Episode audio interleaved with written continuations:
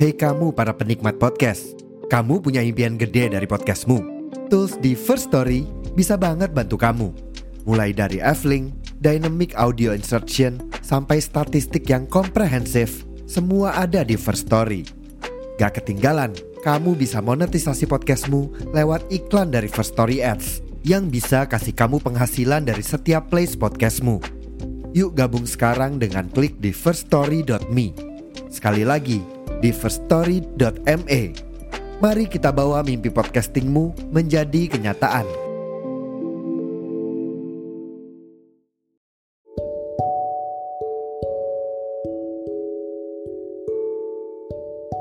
Halo guys, welcome back to my podcast. Balik lagi sama gue Aya di podcast Suara Senja. Kali ini gue akan membahas topik terkait toxic relationship. Topik yang udah familiar banget di telinga kalian tentunya ya. Kalian pasti tahu sih apa itu toxic relationship atau gimana ciri-cirinya. Atau mungkin di antara kalian yang denger podcast ini lagi ngalamin toxic relationship juga nih. Ayo ngaku. Saya alumni toxic relationship by the way.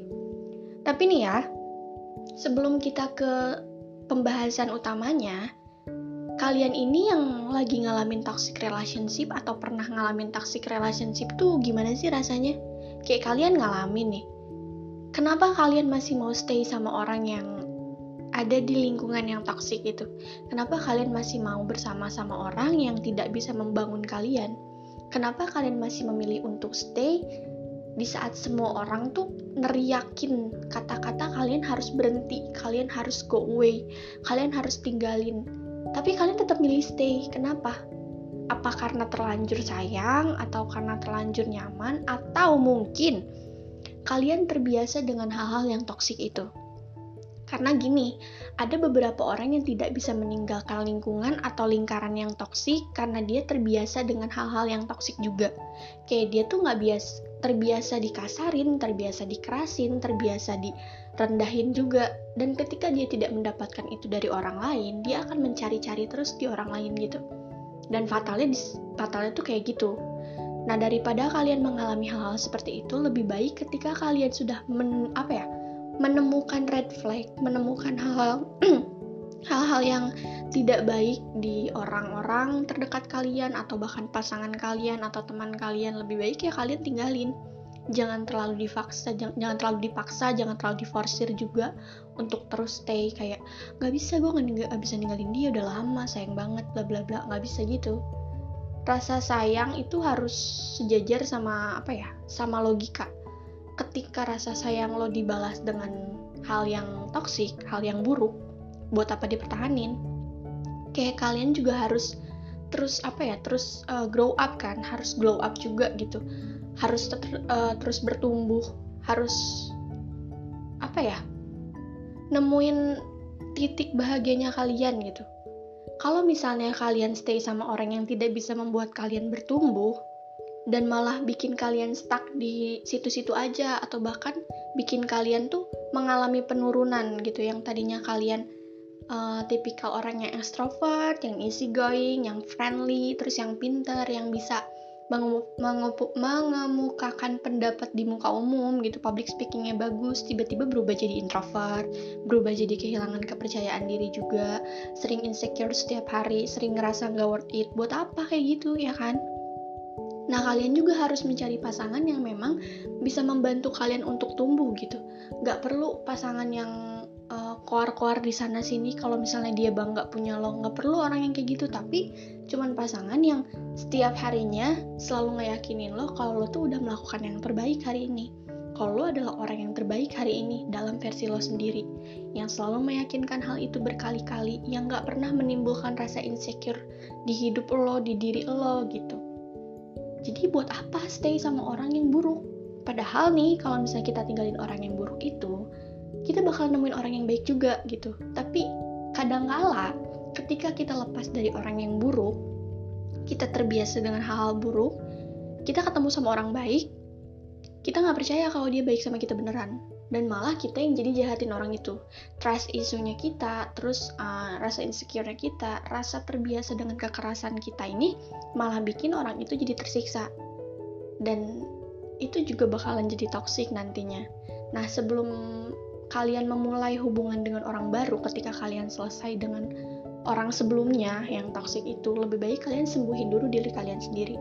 Kayak kalian keluar dulu deh sendiri gitu atau kayak sama teman-teman kalian hangout nonton atau apalah itu untuk apa ya refreshing gitu.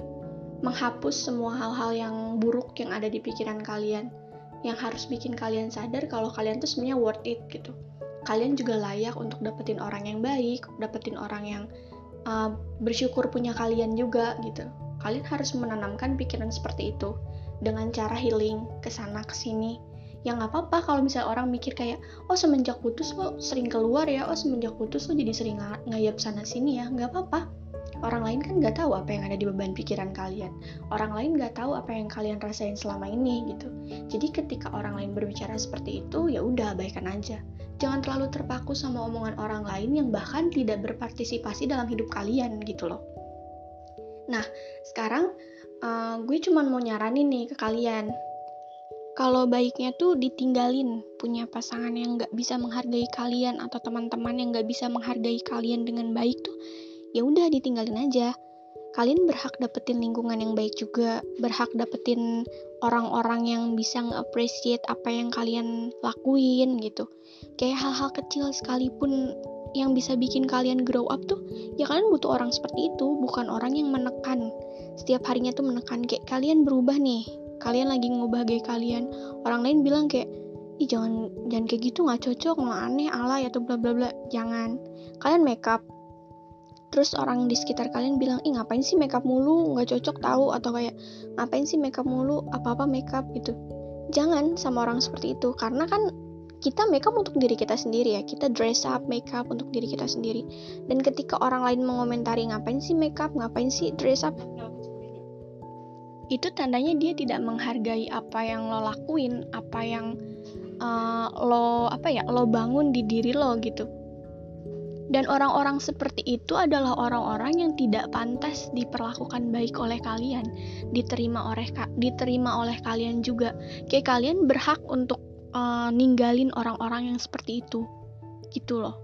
Dan di toxic relationship ini, ketika kalian punya pasangan yang tidak bisa membangun kalian lebih baik, yang gak bisa bikin kalian grow up, gak bisa bikin kalian glow up juga, atau bahkan malah bikin kalian makin down gitu, makin terlihat buruk di mata orang lain, atau kayak orang-orang ngerasa semenjak pacaran sama orang itu, kalian tuh jadi tidak bisa menjadi apa ya, uh, bukan bukan apa ya, bukan orang yang sebelumnya gitu.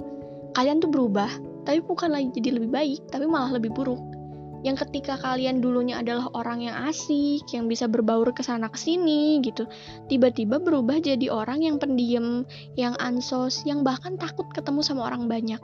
That's why kalian harus bisa memilih mana orang yang baik kalian kalian pertahankan dan juga yang buruk. Yang buruk tuh harus kalian lepaskan gitu. Kayak orang-orang seperti itu atau pasangan yang seperti itu tuh nggak akan bikin kalian bangkit. Kayak kalian mau ngejalanin hubungan selama apa pun, kalian mau sesayang apa pun, atau pasangan kalian bilang uh, dia suka sama kalian, dia sayang sama kalian. Tapi ketika dia selalu bikin kalian insecure ya buat apa? Omongan-omongan kayak gitu tuh kalau tidak berdasarkan dengan bukti yang nyata, ya cuma ngomong kosong dan gak bisa dipercaya juga. Kalian bukan anak TK atau anak SD yang bisa dikibulin sama omongan-omongan orang dewasa ketika orang dewasa itu meninggalin kalian kan. Nah, jadi sampai sini tuh kan kalian udah ngerti nih kalau misalnya orang-orang yang toksik entah itu pasangan, entah itu sahabat atau teman atau bahkan keluarga yang tidak bisa membantu kalian untuk bangkit, untuk berubah jadi lebih baik, ya lebih baik ditinggalin Ih tapi kan keluarga, masih kita nggak ninggalin keluarga sendiri sih? Gak apa-apa, hidup sendiri untuk menyelamatkan mental kalian itu bagus kok. Ya nggak apa-apa terserah orang, orang mau ngomong uh, kalian lemah mental lah atau apalah ya udah nggak apa-apa, kan yang ngejalanin kalian. Yang tahu baik buruknya itu kalian. Yang ngerti mana yang terbaik untuk diri kalian atau yang buruk untuk diri kalian itu diri kalian sendiri. Orang lain yang mengomentari itu belum tahu apa-apa tentang kalian juga kan jadi ya udah jangan terlalu fokus sama omongan orang jangan terlalu fokus sama komentar orang yang bahkan nggak tahu apa-apa soal hidup kalian. Kayak cuman gak tahu kalian dari sosial media atau tahu kalian selewat doang nggak pernah dengar cerita kalian yang sebenarnya. Tapi mereka ngejudge ini itu ngomong ini itu ya udah biarin aja. Kadang orang so tahu kayak gitu tuh cuman cari attention aja mereka kehilangan attention dari banyak orang dan mereka butuh attention itu dari kalian sendiri. Dan ketika mereka mendapatkan attention kalian nih kalian marah-marah ke mereka atau kalian ladenin mereka mereka bakalan seneng mereka bakalan ngerasa menang. Jangan kasih makan ego mereka dengan hal-hal seperti itu.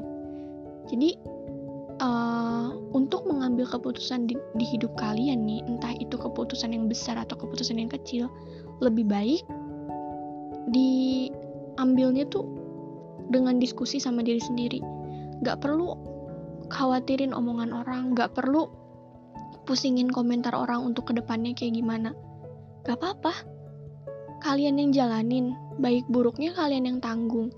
Kalaupun nanti keputusan kalian itu buruk dan berdampak yang negatif buat kalian ya itu gak akan berde gak akan berdampak apa-apa ke orang lain kan? Kayak kalian yang nerima dampak negatifnya itu kalian yang nanggung itu sendirian dan orang lain nggak tahu apa-apa atau orang lain juga tidak mengalami dampaknya kan? Sama seperti kalian ketika mengalami hubungan yang toxic atau toxic relationship. Dan ketika kalian mau uh, break up atau kalian mau menyelesaikan itu ya udah selesaiin aja. Gak usah mikir kayak ih tapi kan gue udah lama tapi kan nanti gimana? Pikiran orang kalau misalnya uh, udah pacaran lama tiba-tiba putus. Ya udah kalau kalian terus-terusan terpaku sama pikiran seperti itu kalian akan terus-terusan terbiasa dengan hal yang toksik juga. Kalian gak akan bisa grow up kalian gak akan bisa glow up. Dan in my experience gue juga adalah seseorang yang pernah mengalami toxic relationship by the way. Dan hubungan itu tuh bertahan bertahun-tahun. Selama gue sama dia gue tidak bisa grow up sama sekali tidak bisa grow up sama sekali. Justru yang tadinya gue adalah orang yang friendly gue adalah orang yang sering ke sana kemari gue banyak temen di sana sini gue orang yang uh, percaya diri berubah jadi orang yang ansos. Gue takut ketemu orang banyak gue ngerasa gue nggak worth it gue nggak deserve to be happy gue nggak uh, apa ya gue nggak percaya diri gue insecure gitu setiap hari.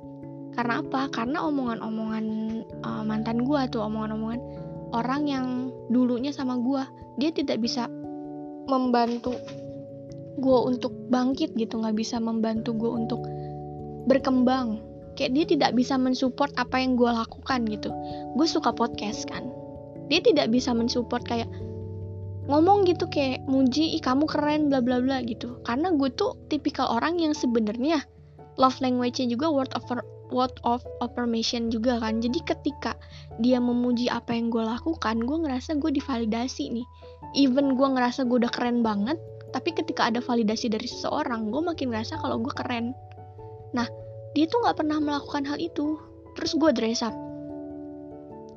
Kata yang gue mau tuh kayak you look so perfect uh, today gitu. Atau kayak you look so pretty atau apa pun itulah gue dress up gue makeup.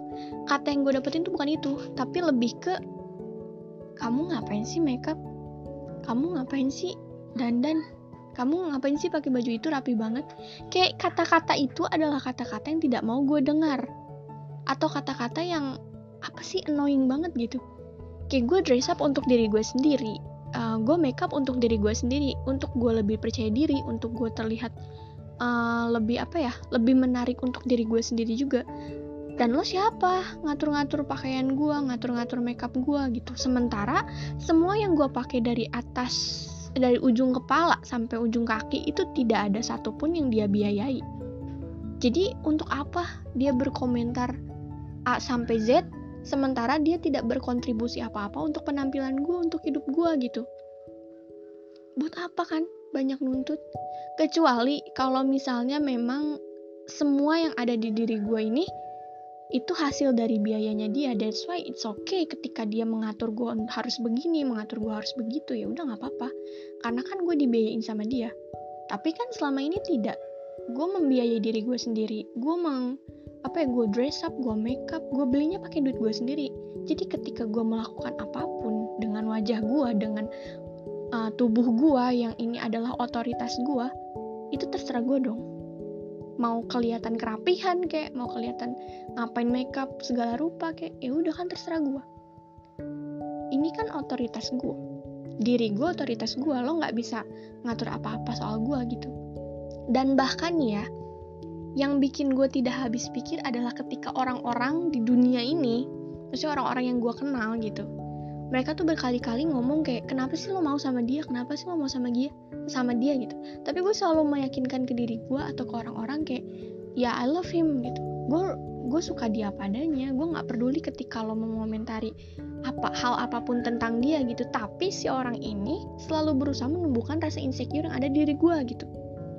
Kayak harusnya ya sorry but gue tidak bermaksud untuk uh, menjelekan sama sekali but ketika dia mendengar kalimat seperti itu dari orang-orang ya kenapa sih lo mau sama dia? Kenapa uh, kenapa sih gue mau sama dia? Gitu. Harusnya dia intro, uh, introspeksi kan? Kayak oh iya ya dia udah mau sama gue harusnya gue nerima dia apa adanya dong. Karena dia juga menerima gue apa aja apa adanya gitu. But dia tidak. Bahkan ketika gue dihina depan orang banyak nih sama temen-temennya ya biasa aja. Dia tidak mengomentari hal apa-apa sementara gue ketika dia dihina sama orang lain gue adalah orang terdepan yang ngebelain dia gitu. Yang maki-maki orang yang ngehina dia. Karena gue tidak mau membuat dia insecure. But dia selalu membuat gue insecure. That's why he uh, that's why they dia tuh apa ya melakukan hal-hal yang tidak bisa membang membangun diri gue gitu. Yang ada gue semakin buruk gue semakin jauh dari diri gue yang dulu gitu bahkan gue pun jauh dari teman-teman gue gitu karena rasa insecure gue yang luar biasa tingginya dan hal itulah yang kita sebut sebagai toxic relationship.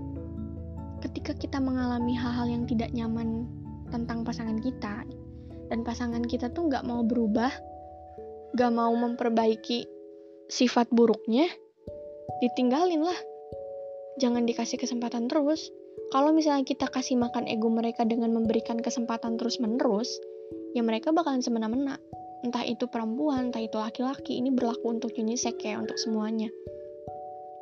Kalau misalnya dia udah toksik, terus kita minta berubah tapi dia nggak berubah sama sekali dan kita maklumin berkali-kali, dia akan ngerasa kayak ya udah sih dia tuh cuma ngomong doang minta gue berubah tapi gue nggak berubah juga dia masih sayang kok dia masih mau kok gitu dia akan berpikir seperti itu. Dia justru akan semena-mena sama kalian.